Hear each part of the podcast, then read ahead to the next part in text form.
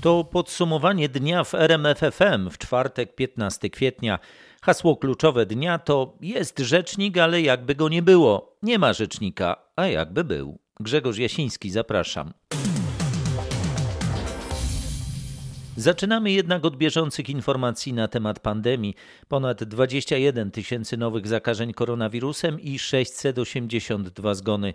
Takie dane przedstawiło dziś Ministerstwo Zdrowia. O szczegółach Michał Dobrołowicz. Wykonujemy małe kroki w dobrym kierunku. Tak te dane komentują specjaliści. Dla porównania tydzień temu w Polsce potwierdzono o prawie 7 tysięcy więcej zakażeń koronawirusem niż dzisiaj. Rzecznik Kolegium Lekarzy Rodzinnych dr Michał Sutkowski uważa, że szczyt trzeciej fali pandemii jest już na szczęście za nami. Szczyt rozumiany jako liczba zakażeń dziennych myślę, że jest za nami. Nie powinno nas to uspokajać, ale tym bardziej mobilizować do odpowiedzialności. Wciąż wysoka jest liczba pacjentów na oddziałach covidowych, zwłaszcza tych w ciężkim stanie. To, co zwraca uwagę w raporcie służb sanitarnych, to coraz niższa wartość tak zwanego współczynnika R. Właśnie ten wskaźnik pokazuje, ile osób średnio zaraża jeden zakażony koronawirusem. W ostatnich tygodniach ten współczynnik w skali całego kraju był powyżej jednego, a teraz jest już poniżej, wynosi 0,89 i to też jest powód do delikatnego optymizmu.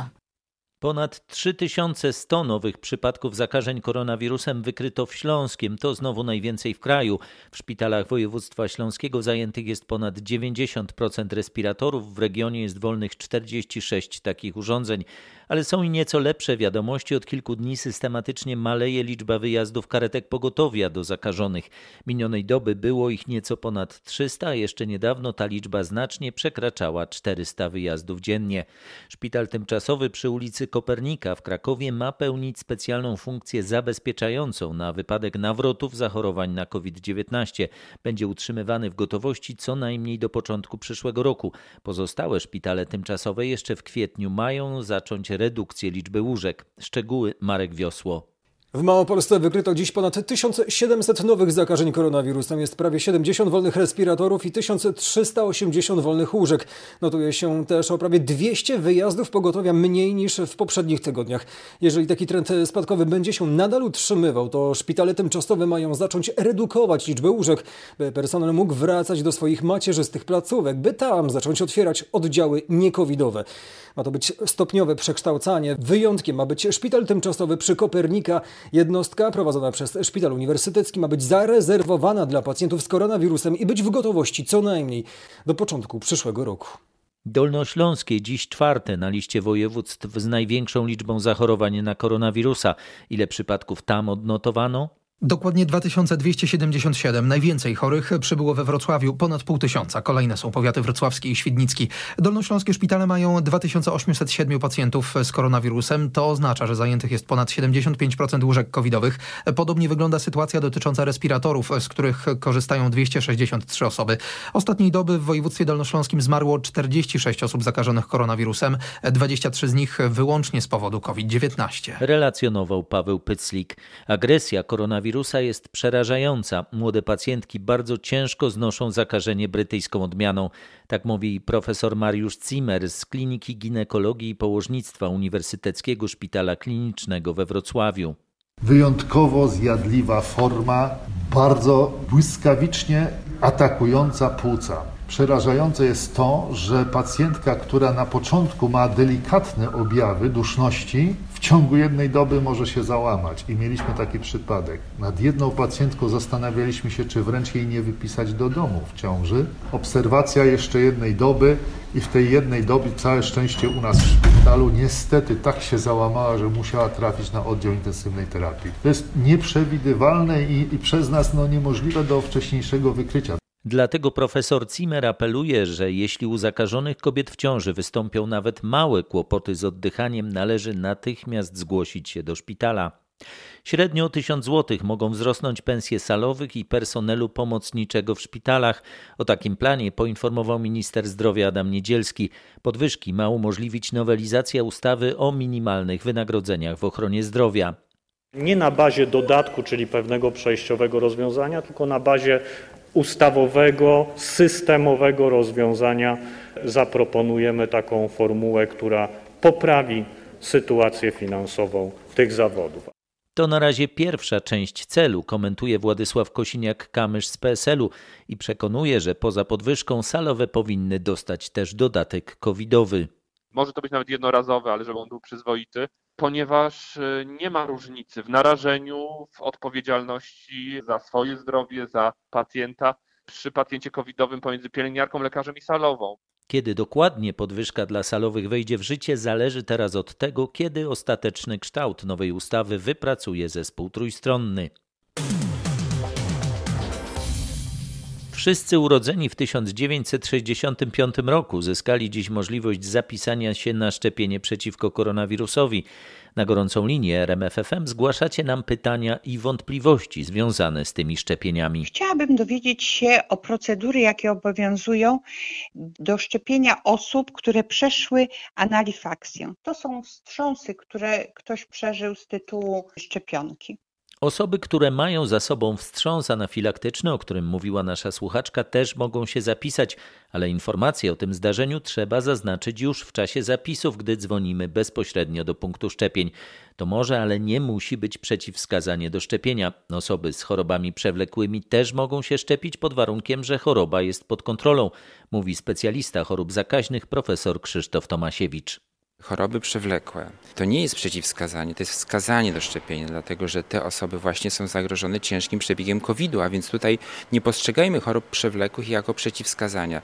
Te osoby szczególnie powinny być szczepione. Od północy mogą się zapisywać osoby z rocznika 1966. W ciągu sześciu miesięcy zaszczepiony powinien zostać każdy mieszkaniec Małopolski. To dzięki wysokiej wydajności masowych punktów szczepień Pierwszy pilotażowy wystartuje już w poniedziałek. O szczegółach Marek Wiosło. W regionie już prawie 175 tysięcy osób otrzymało obie dawki szczepionki, a ponad 660 tysięcy pierwszą. Województwo zamierza uruchomić w sumie 43 masowe punkty, których wydajność ma osiągnąć 20 tysięcy szczepień dziennie. Jeżeli więc dostawy szczepionek będą regularne i wystarczające, to w ciągu niecałych 6 miesięcy pierwszą dawką powinni być zaszczepieni wszyscy mieszkańcy województwa. W Małopolsce ta baza będzie wynosić 40 33 punkty. Będziemy w stanie dziennie szczepić w punktach szczepień powszechnych ponad 20 tysięcy osób. Mówił wojewoda małopolski Łukasz Kmita. W samym Krakowie ma powstać pięć masowych punktów szczepień w szpitalu Expo Kraków, w szpitalu wojskowym, w Tauron Arenie, w halach klubu Wawel oraz w Miejskim Zakładzie Leczniczym przy Wilickiej. Powstanie punktów szczepień w aptekach jest możliwe, ale nie we wszystkich, mówią farmaceuci. Od piątku zyskają oni dodatkowe uprawnienia dzięki wchodzącym w życie nowym zapisom ustawy o zawodzie farmaceuty. Ponownie Marek Wiosło. W samej Małopolsce w sprawie szczepień przeszkolono już ponad 400 farmaceutów. Kolejne 500 osób jest w trakcie szkoleń. Powstanie punktów szczepień w aptekach wiązać się będzie z poważnymi zmianami organizacyjnymi. Jest możliwe, ale nie wszędzie, mówi Elżbieta Rząsa-Duran, prezes Okręgowej Izby Aptekarskiej w Krakowie. Wiele aptek, szczególnie w dużych centrach handlowych, ma dosyć duży metraż i nie będzie problemu, aby część powierzchni przeznaczyć właśnie na taki punkt szczepień. I na pewno nie będzie możliwe we wszystkich aptekach. Farmaceuci od piątku uzyskają także m.in. uprawnienia wykonywania zastrzyków z adrenaliny dla osób, u których wystąpił na przykład szok anafilaktyczny. Blisko 700 osób, w tym farmaceutów, zgłosiło się na kurs szczepienia przeciwko COVID-19 w Lublinie. Po teorii przyszedł czas na praktykę w Centrum Symulacji Uniwersytetu Medycznego. Pod okiem fachowców dziś grupa farmaceutów uczyła się, jak przygotowywać preparat do szczepień i co najważniejsze, na fantomie uczyła się, jak wykonywać szczepienie. Dezynfekujemy miejsce wkłucia. Mhm. Jeszcze raz? Jeszcze raz, tak. Odbezpieczamy igłę, będzie łatwiej wkłuć. Emocje duże. Dlatego pokazywałem. Opieramy lewą rękę na ramieniu, rozciągamy skórę w miejscu iniekcji, wprowadzamy do 3 czwartych długości, A. kontrolujemy długość wprowadzenia. Tymi palcami chwytamy za nasadkę igły, żeby stabilizować ją. Teraz już mam to puścić? Tak, tak, tu już może Pani puścić. Tak. Jest, ok. I podajemy. Na pewno jest to coś nowego, tak. Trzeba się skupić na szczegółach i emocje jakieś tam są na pewno. To był fantom. A jak będzie no, żywy tak, człowiek? No to, to na pewno będzie dużo trudniej. To myślę, że wtedy będzie stres. Najtrudniejsze pierwsze w skrócie, a potem jakoś to będzie, myślę. Na miejscu był nasz reporter Krzysztof Kot. Przepis pozwalający działać Rzecznikowi Praw Obywatelskich po zakończeniu kadencji jest niezgodny z konstytucją, orzekł dziś Trybunał Konstytucyjny. Będący dziś w takiej właśnie sytuacji Adam Bodnar nadal jednak będzie pełnił urząd rzecznika, bo wbrew wcześniejszym oczekiwaniom sędziowie nie zdecydowali się na pozbawienie go urzędu z dnia na dzień.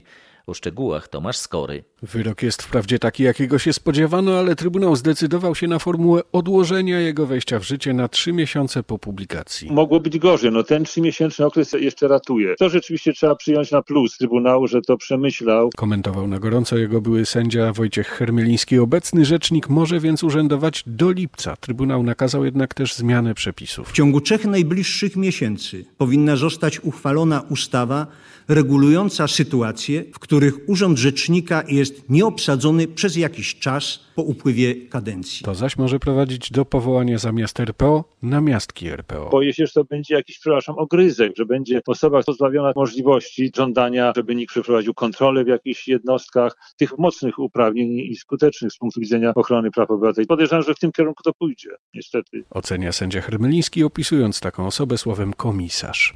Warszawa, Tomasz Skory.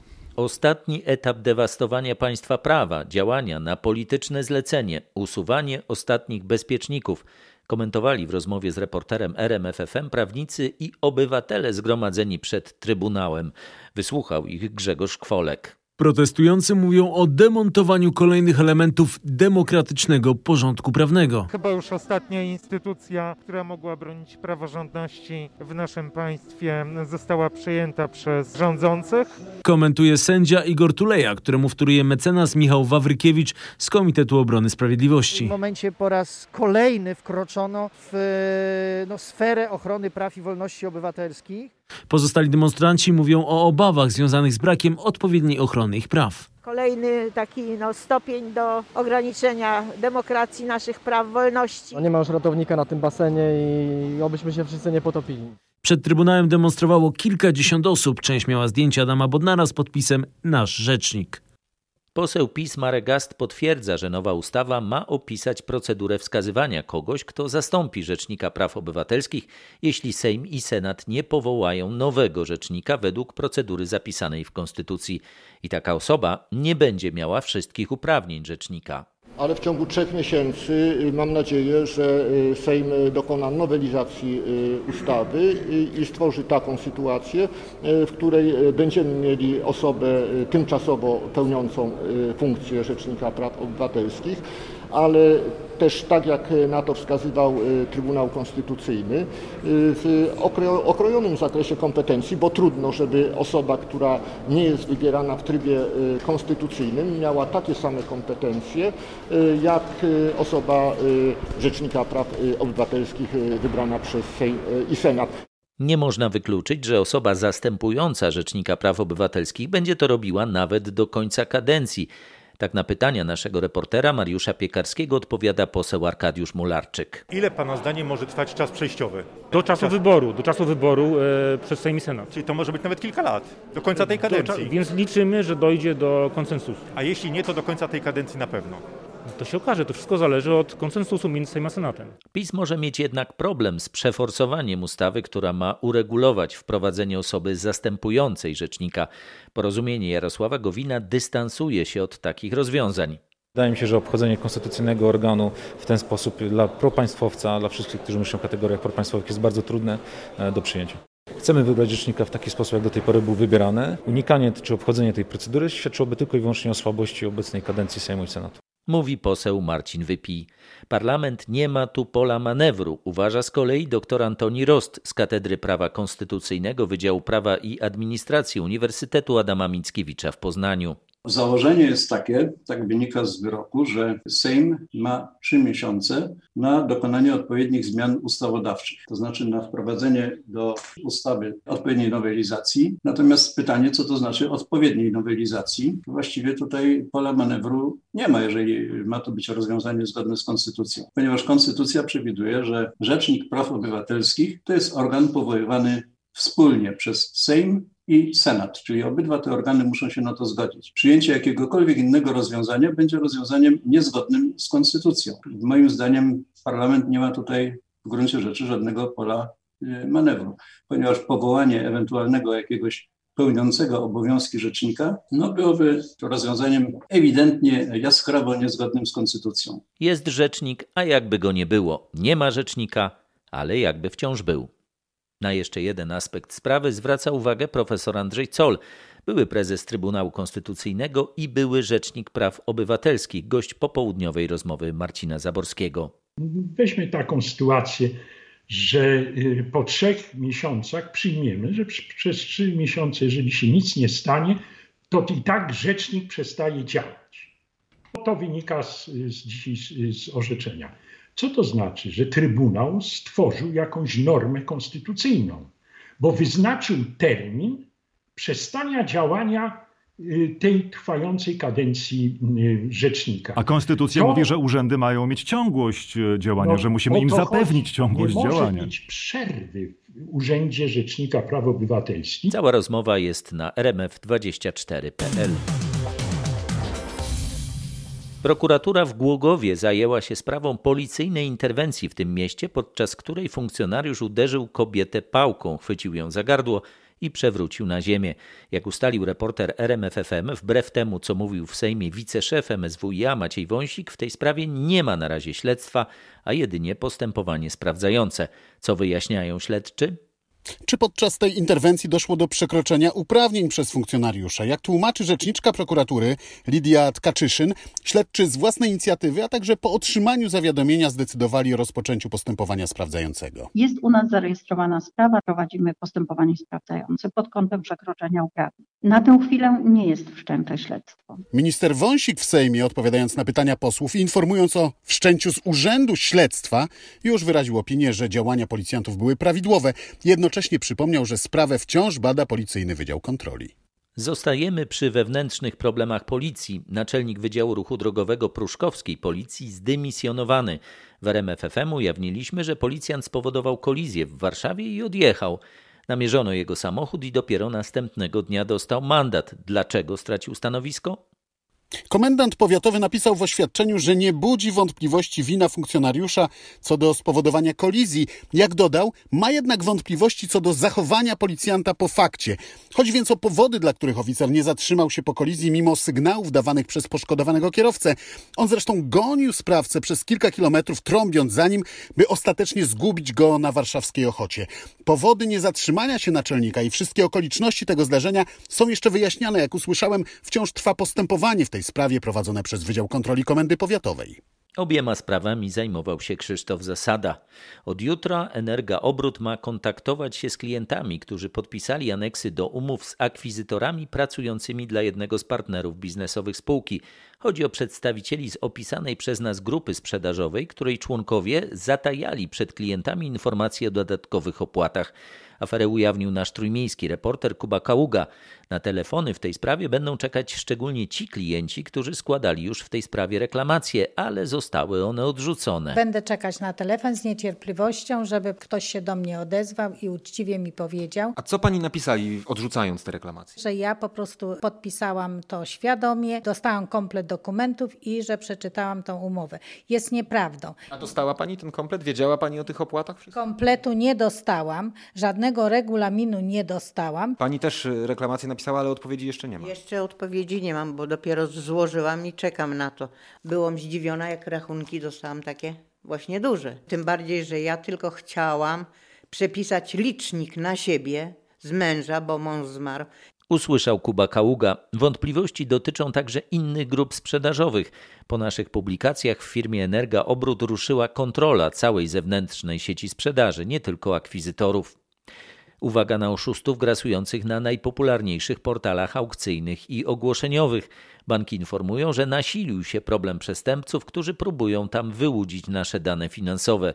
Specjalne ostrzeżenie w tej sprawie wystosował największy polski bank PKO BP. Jak działają oszuści?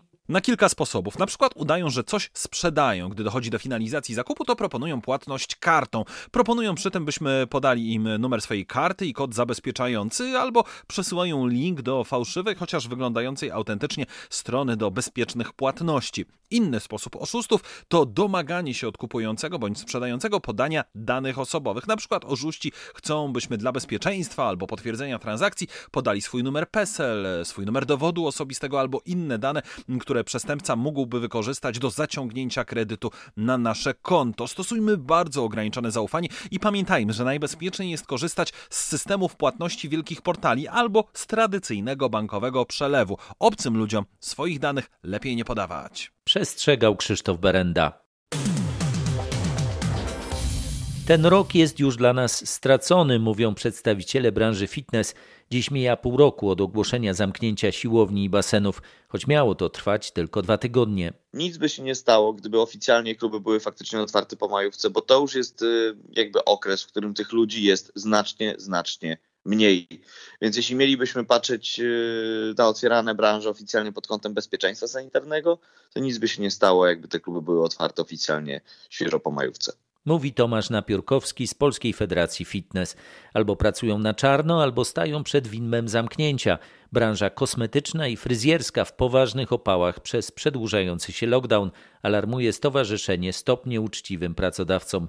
Jak mówi prezes stowarzyszenia Małgorzata Marczulewska, wiele kosmetyczek i fryzjerów trafi wkrótce na bruk. Wiele z tych branż nie ma na tyle zapasów finansowych, żeby poradzić sobie z zamknięciem na kolejne długie tygodnie. Otrzymaliśmy kilka wiadomości od pracownic, którym zasugerowano, że jeżeli lockdown potrwa jeszcze dłużej, to ich wynagrodzenia mogą zostać zawieszone, bądź też zostaną ci pracownicy zwolnieni.